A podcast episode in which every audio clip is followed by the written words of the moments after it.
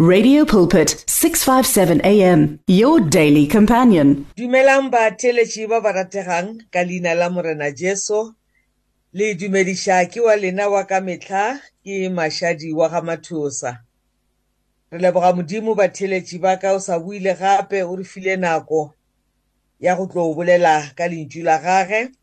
Re sa le mo topicing yona ela ya rena ya go bolela ka the promise of heaven but we are trying now to draw it to a close. So ke kgopela go lema motlha batheletši ba ka pele re thoma nke re thomeng ka thapelo. Papa ka leina la morena jesu re tla pele ga sefatlhego sa gago ka dipelo tše di tletšeng tebogo. Leboga go boloka ke wena re leboga go ruta ke wena go tshwariwa ke wena ka letsogo ka baka la gore o re rata. Re a leboga letšatšing la mamotlha re ya go mema modimo. Re sa tlo ithuta lentšu la gago re kgopela gore o be gona re tle re rute ke wena. Re kgopela tšohle ka lebitso le le maatla la morena jesu. Amen. Batheletši ba ka we are continuing with our beautiful topic the promise of heaven. This promise really has to dominate our lives. This promise has to determine our actions. This uh, promise has to determine how we walk. Mo lefaseng ke tlo le bontšha ka mangwalo i'll even refer to the life of abraham. Le bone ka mokgwa ile gore tshepišo ya legodimo ile ya controla bophelo ba gage ya determina le di-decision tša gage how he lived. Mo motlha ge re mmitša the father of faith ke ka baka la gore monna ola o ile a dumela modimo ge a na mo tshepiša a city you know with foundations and focus ya gage mo bophelong ya ba on that city with foundation foundations and ya determine his decisions and even the way he lived. So motheletši wa ka ga se phošo you know go phela o nagana ka taba ya legodimo ga se phošo o phela e le gore you are cherishing this hope this blessed hope ya gore ka le lengwe la matšatši jesu re tlo mmona gobane like ke le tlhalosetša gore re bone ka bophelo ba abrahama the kind of a person that he turned out to be ke ka baka la gore a ne a tshepile a beile tshepo ya gage mo promising ya modimo ya legodimo. So motheletši wa ka mo motlha ke rata gore re thome ka go bala first john eh, chapter 2 ke rata gore lebelele mo verse 28 lentšu la modimo le bolela gore now little children abide in him. You know ke mo e le gore o thoma go bona gore this promise must really determine the kind of lives that we live as children of god. If this promise remains you know at the center of your thinking at the center of your mind it will determine how you walk before the children of God, how you walk in the church of Jesus Christ, how you walk at work, in everything that you do. If you keep this promise at the center of your mind, it will take over your life and that is a beautiful thing in the sight of God. Listen to First John chapter 2 verse 28.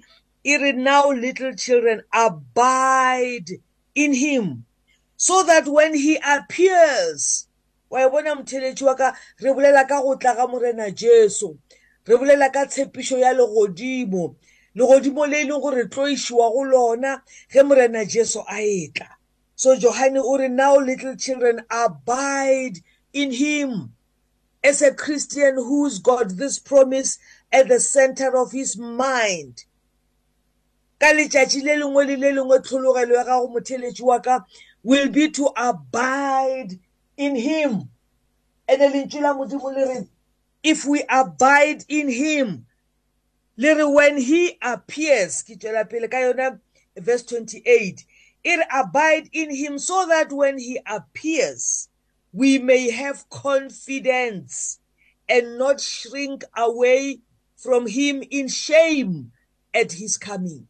So, motheletši wa ka se re se dumetšeng le se re se tsebang ke taba ya gore morena jesu o etla so lentšu la modimo le re let's abide in him. Ge ntse re tshwere this promise of heaven in our minds let it motivate us to abide in him. Gore ga e tla we may have confidence. We need to wait in the confidence ya gore ga e tla motheletši wa ka o tla re hwetša re dutše mo go yena. E re let us abide in him so that when he appears we may have confidence and not sh shrink away from him in shame at his coming. So this already shows you gore there are two categories of people. Go na le batho ba ile gore ge morena jesu a etla ba tla ja ke ditlhong. Lentšu la modimo le re they will shrink away from him in shame at his coming. And the bible re ba bangwe ba ile gore they abide in him.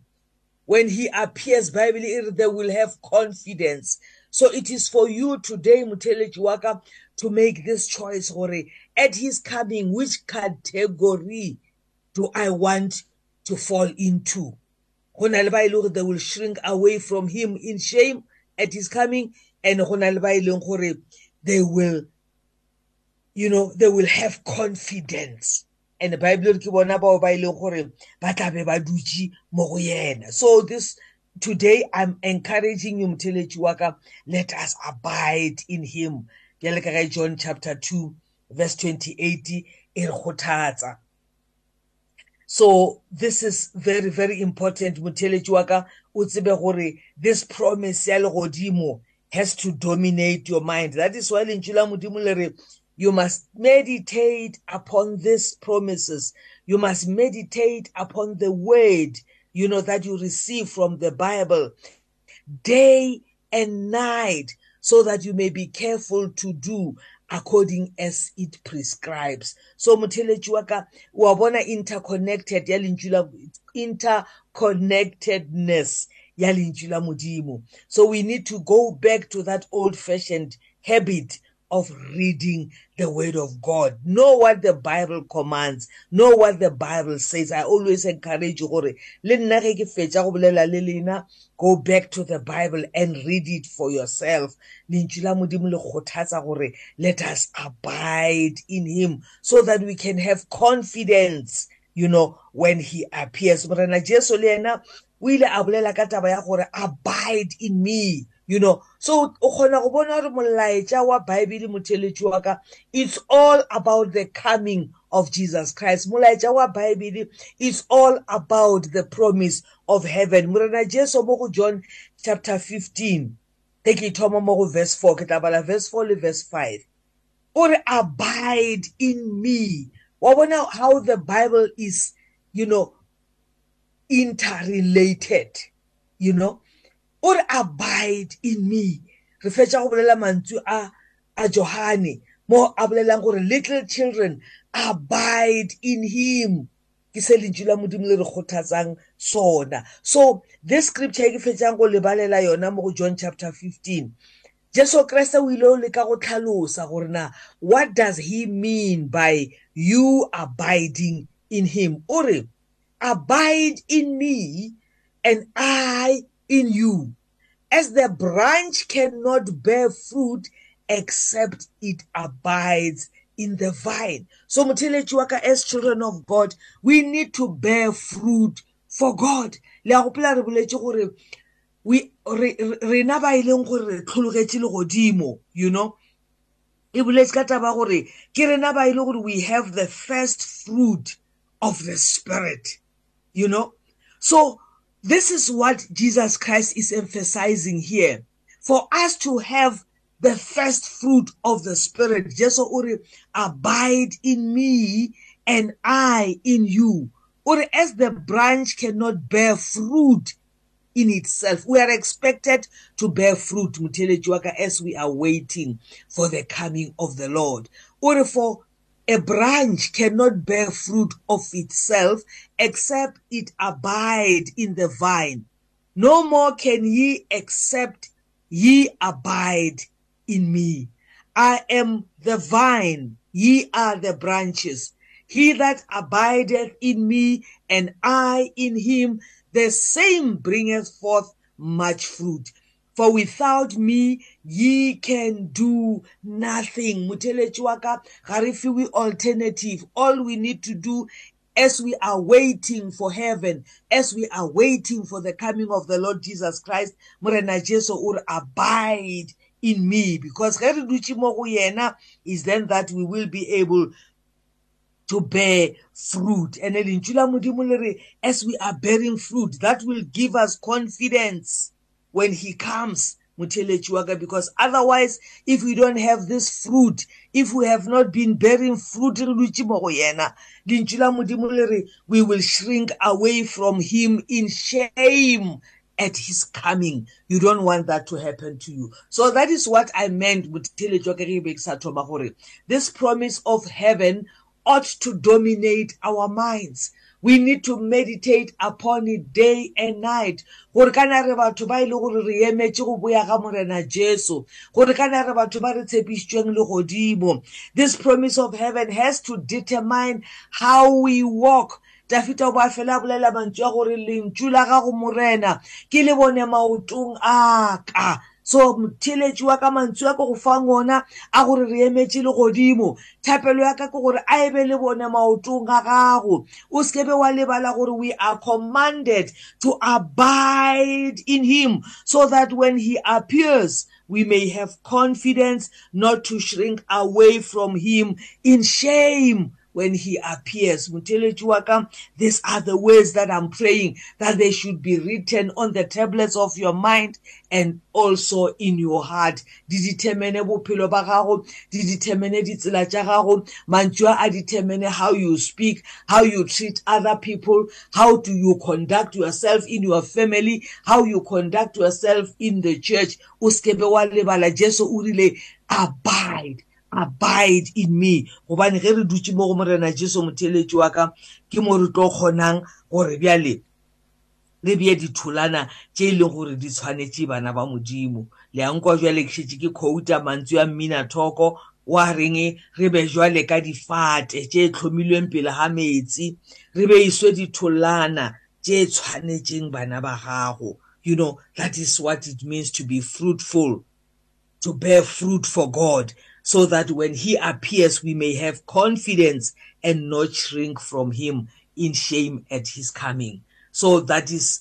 what I wanted to bring across. So Linchula Mudimu, le pele you remember last time re boletse ka taba e re kry-le mo go colossians chapter 3 mo lentswe la modimo le bolelang gore as we are waiting you know for jesus christ we need to put to death therefore the components of our earthly nature, you know, bearing fruit. When we are, when we abide in Jesus Christ, that's when we are going to bear fruits for God. But then, if we don't abide in Jesus Christ, then we are going to, to, to, to, to, to be producing fruits that are of our earthly nature lentšu la modimo le di bolela gona mo gore ke bo sexual immorality ke bo impurity ke bo lust ke bo evil desires and greed. And bible re greed yona e ke yona idolatry. So those things motheletši wa ka if we allow them to dominate our lives. Lentšu la modimo le bolela gore we are going to be part of that group of people that will shrink away from him in shame. Ga di recovery ka shame only in this current life but also at the coming of the lord. When he comes to take his church to be with it in glory. If you continue in these things sexual immorality if you continue in impurity if you continue in lust evil desires greed which is idolatry you are going to be in the category of those people who will be shrinking away from the Lord Jesus Christ in shame. So we don't want to be covered with shame when Jesus Christ comes. We want to stand in confidence before him, knowing that that is what we have been waiting all the time. Mutelechuaka, be encouraged. Like I said to you, let this promise dominate your mind. Let it dominate your thinking meditate upon it. Bja ka ga lentšu la modimo le bolela mo go joshua chapter 1 verse 8 meditate upon it day and night. Taba ya gore kana morena jesu o etla. And let, let that encourage you to abide in him. Morena jesu a re if you abide in me noma kanjani you are going to bear much fruit motheletši wa ka nako e mpheletše fela nna le lena a re bueng gape re kopaneng beke e tlang a modimo wa kgotso a le tlhogonolofatše It's more than radio, it's a way of life. It is 657 AM.